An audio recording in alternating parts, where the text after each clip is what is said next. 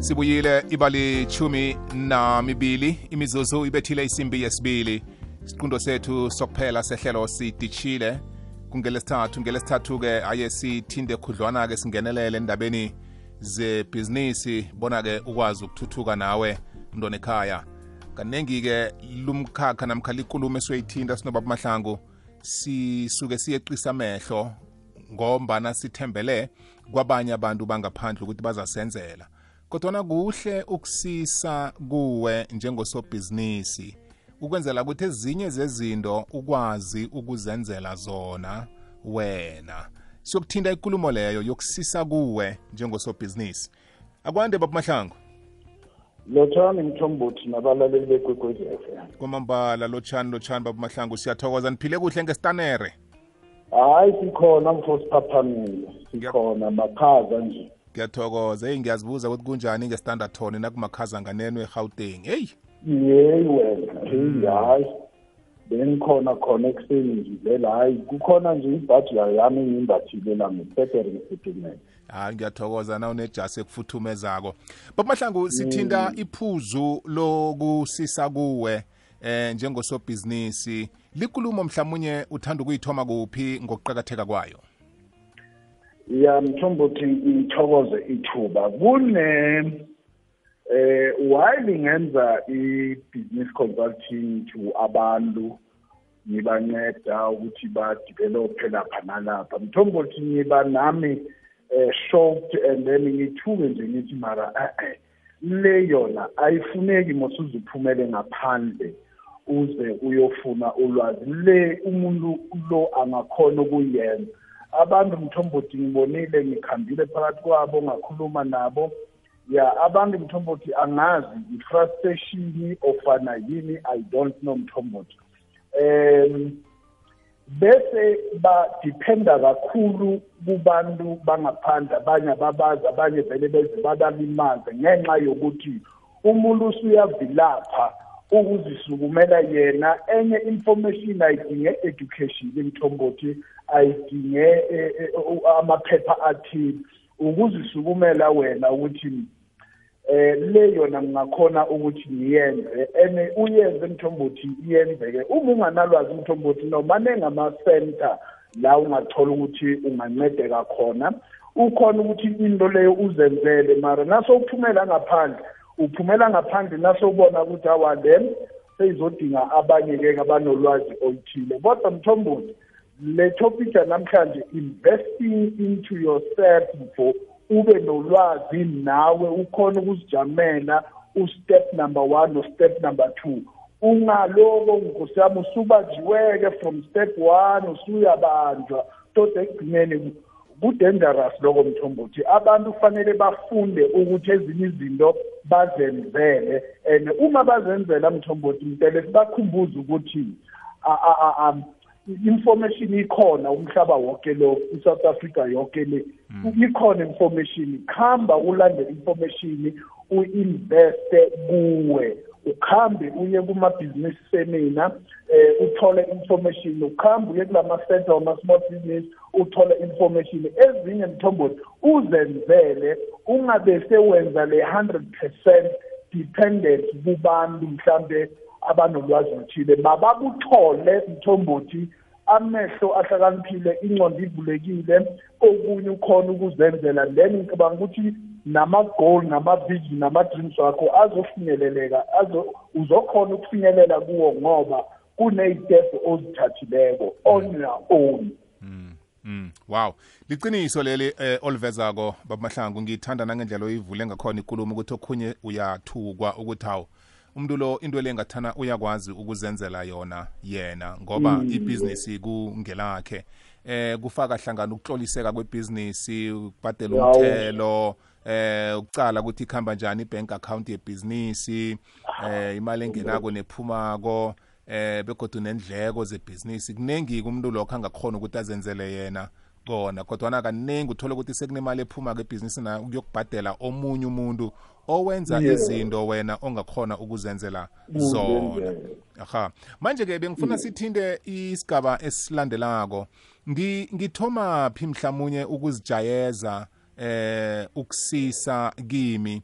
Ngi- ngithoma entweni ezifana nani mhlamunye eh ubulula bakhona ukuthi nokho istep sokuthoma sengiyasazi ngingazijamela la nesesibili nesesithathu ke sesine ngathi kuyakhuphukela kula kufuneka khona ukuthi mhlambe kungenabo baba mahlangu bangisize ngelwazi.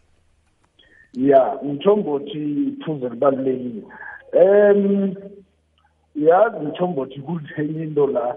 Ekumele siyikhumbule yazi abantu mina ngazi nami someri ngingaka ngiyayisaveya impilo uyazalwa mthombothi uthi ungazalwa uyatatayiswa ufundiswa ukukhuluma ucathuze bagqilise ini but kukhona la abazali sizofika isikhathi bakuyekele bakurelease emthombothi but no manje-ke sokufanele ukuthi uzikhambele. Mara uma ngabe u- ungathini kusho ukuthi awulemuki ukuthi bayidlalile indima abanye. Manje sokuyimo okumele yize mpela ukuya phambili then uma ungakulemukanga lokho uzolimala mthombothi. Noma sowakha umuzi bahlezi umuza abantu ukuthi mara umuzi lo urehe nangomisa kanje nangomisa ngapha ini uyayibona? Uzohlezi ubuza-ke mthombothi noma sokuthi uthatha uthatha umama uzoloku ubuza abantu ukuthi namthatha sirehe isikhathi akufuneki loko mthombothi la uthoma khona um david kulamabhizinisi. Ngibawa mina ukuthi benze so.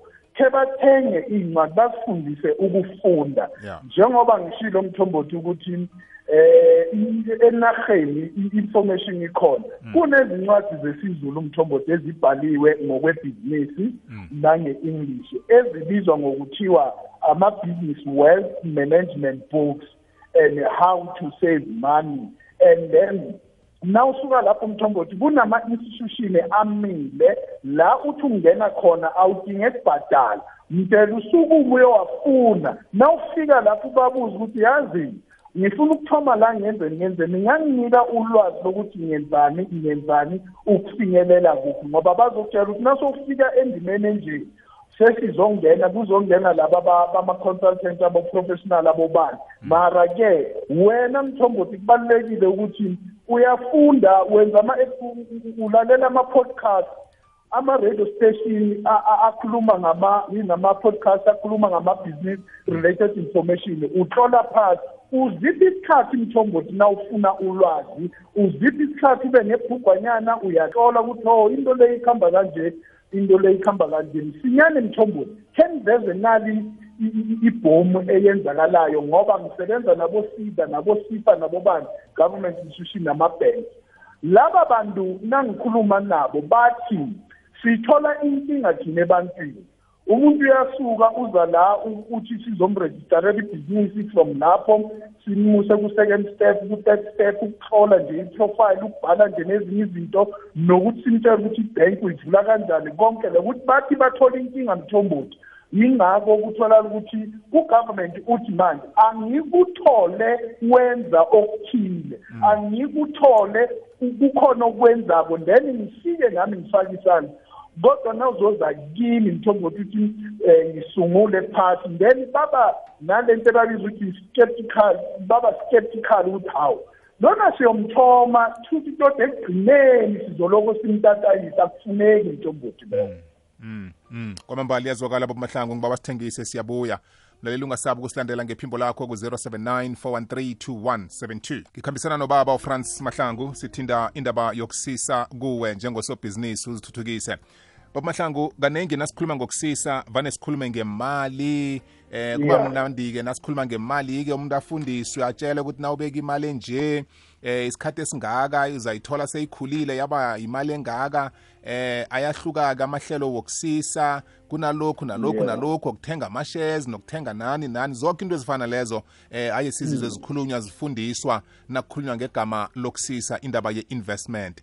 Manje eh la endabeni yokusisa kuwe ngikho kaningi abantu bangakukhumbuli lokho ngoba bakhohliwe ukuthi kuyafana nalokha eh nawune investment ethileko qobe nyanga uphosela imali namkha inani elithileko lemali. Qobe nyanga uyaphosela uyaphosela uyaphosela. Utshelwe ukuthi uzayichaphulula mhlambe ngemva kweminyaka emihlanu namkha ngemva kweminyaka elichumi seyisizumbulu semali engaka.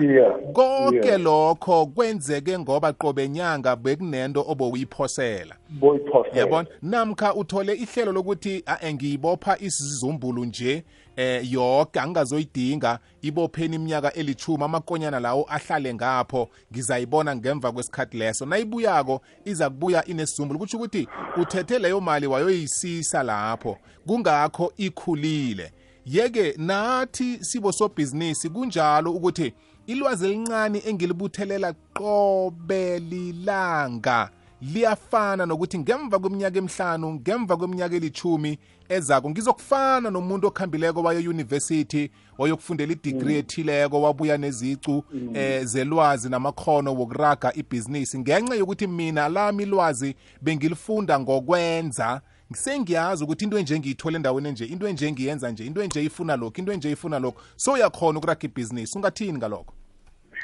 Uyibethe ependeni mthombothi. Ya uyibethe ehloko mfo. Isinjalo eh why usenza lokho mthombothi as small businesses and other businesses? Eh, mthombothi into eyi-driving force eh, eh, kuzo zonke izinto izinto esikhuluma ngazo yi-discipline mfo. I-discipline ibalulekile ekutheni uma urana ibhizinisi no matter be-small yazi mthombothi ngiba ukukuvezela nani abanye abazothola ihlazo. Nangizeza into le bazobona ukuthi yaw yazi ngiyadlala lapha ibhizi nje ngezinto ezingekho eh, eh, eh, eh, elo- eh, ezibalulekile empilweni yethu. Uyababona labo mama abahlala esitradini mthombothi abathengisa iy'mpahla abathengisa ukudla nani nani ya A- abomama labo mthombothi bayithenga imodela mm. Imodera cash bayithenge 80000 mina ngikhulumi ngokuthi mhlambe ngiyabandazela ni nginabo abantu engibaziyo bathenga imoto cash mthombothi futhi abayi nasebhanki. Benzani? Bayayibeka imali bayathengisa bathola lokhu abakutholayo. Uma bathole i-thousand i-two hundred rand bayibekele eceleni. Sikubiza ngokuthini lokho yi-discipline ukusisela kuwe mthombothi kulula ukuzitshela ukuthi Yes. eh igoli lami yini ivision yami yini idream lami yini. Nangabe ufuna ukwakha indlu mthombothi laba bomama bazokuvezela ukuthi benzeni uzaba namahloni wena uyi-senior manager uhlele es- esiqongolweni lapha. Nawuthi uyabheka wenzanga lutho. Kodwa nanya lapha esitradini Yeah. ukhonile ukuthi yena azi azibekele. Le nto okhuluma ngayo mthombothi mdela ikhambe ngediscipline umuntu azi ukuthi ufunane and angabi ukuthi ufuna ukuhamba kungene lezi zonke lezi zinto lezi. Two mthombothi uma ngabe ufuna uku-investa-ke kulezi zinto ezithe ukukhula khamba uyo-investa kumakhampani aregistered aziwako asemthethweni. Ungayifaki imali yakho ebumnyameni kubantu ongabazi ukuthi bakuphi njalo njalo. Yes. so mthombothi lapha ku-investment mfo kubalulekile. Funda eh mangabe usomabhizinisi thenga incwadi ufunde mthombothi ulalele futhi nabantu abakhuluma izinto ezipositive then bese uba ne-discipline uba ne-focus uba ne-commitment. Mthombothi uyayithenga imodera uyayithenga indlu bewuthenge neplazi bewuthenge neplot uthenge ney'nkomo futhi bese uba rich.